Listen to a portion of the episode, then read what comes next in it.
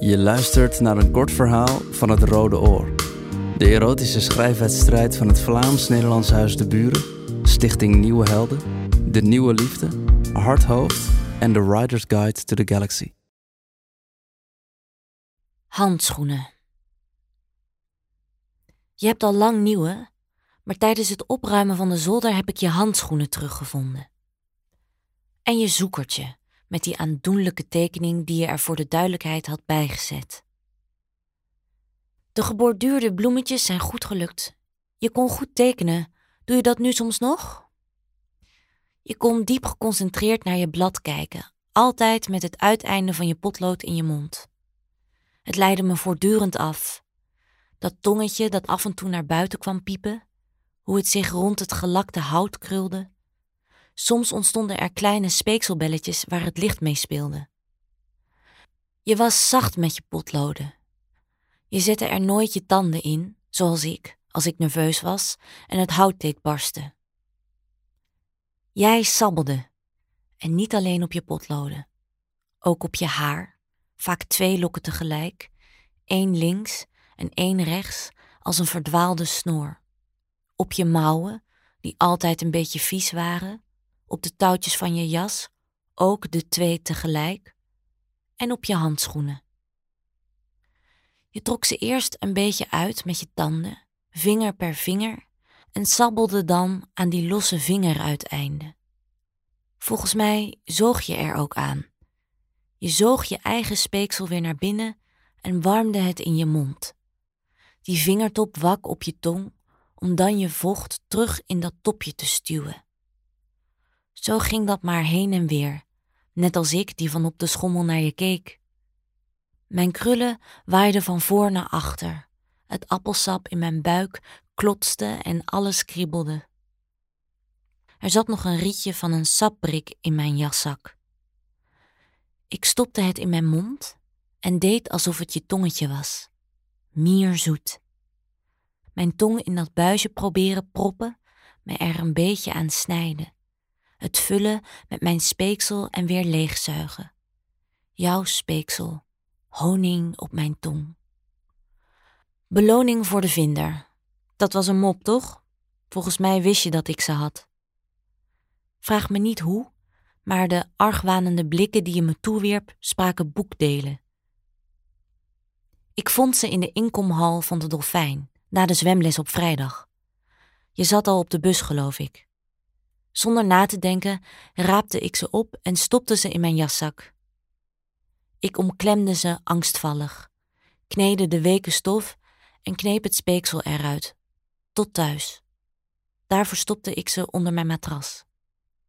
Maandag kreeg je ze terug, dat beloofde ik. Een heel weekend leende ik je sabbelhanden.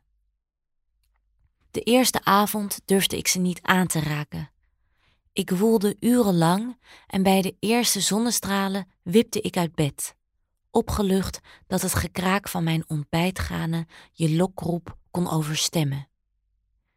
Ik slurpte de karamelmelk extra luid op. Zelfs de kat keek me verbouwereerd aan. Tegen de avond was mijn verlangen zo groot dat ik hoofdpijn veinsde en vroeg naar bed ging. Dat was trouwens niet helemaal gelogen, mijn hoofd barstte van visioenen van jou. Ik moest die druk verlichten. Geknield voor mijn bed haalde ik ze tevoorschijn, streelde ze en fluisterde jouw naam. Ze roken naar jouw speeksel, vloeibare troost uit je fruitmond. Je prikte in mijn hals. Ik rilde. Ik deed mijn t-shirt en shortje uit en nam je mee onder de lakens. Voorzichtig gleed ik in jou. Je was nog nooit zo dichtbij. Ik hoorde je mijn tepels strelen, het wollige geruis verdiepte mijn ademhaling. Toen je over mijn buik gleed, schrokken mijn spieren even, maar je nattige handen voelden veilig. Mijn lichaam bewoog zo vloeiend met jou, je cirkels rond mijn navel, je kneepjes in mijn dijen en klemde je tussen mijn benen en perste tot er vocht uit je druppelde. Gaf mijn vocht in ruil. We versmolten. Je tokkelde op mijn lippen. Alles in mij trilde en wilde en je vulde me met je warmte tot ik in slaap viel. We sliepen lang samen.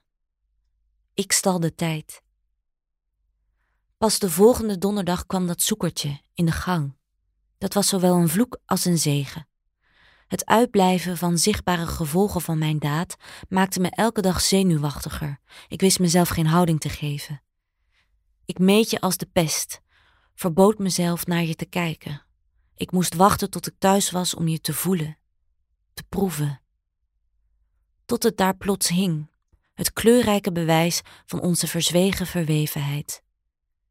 Meestal wendde ik mijn hoofd af, maar het brandde op mijn slapen, hetzelfde vuur dat elke avond dwars door mijn matras heen mijn handen lokte. Na een week haalde ik het van de muur. Ik verdroeg het niet meer. Thuis streek ik de plooien in de papierprop glad, wilde het goed maken, huilde om mijn onbeholpenheid en vluchtte toch weer in jou. Je speeksel verzachtte mijn tranen, zoals de rest van mijn lichaam. Ik leg je terug in de doos op zolder. De hele dag nog hang je in mijn neus, glij je over mijn tong, kriebel je mijn kruis.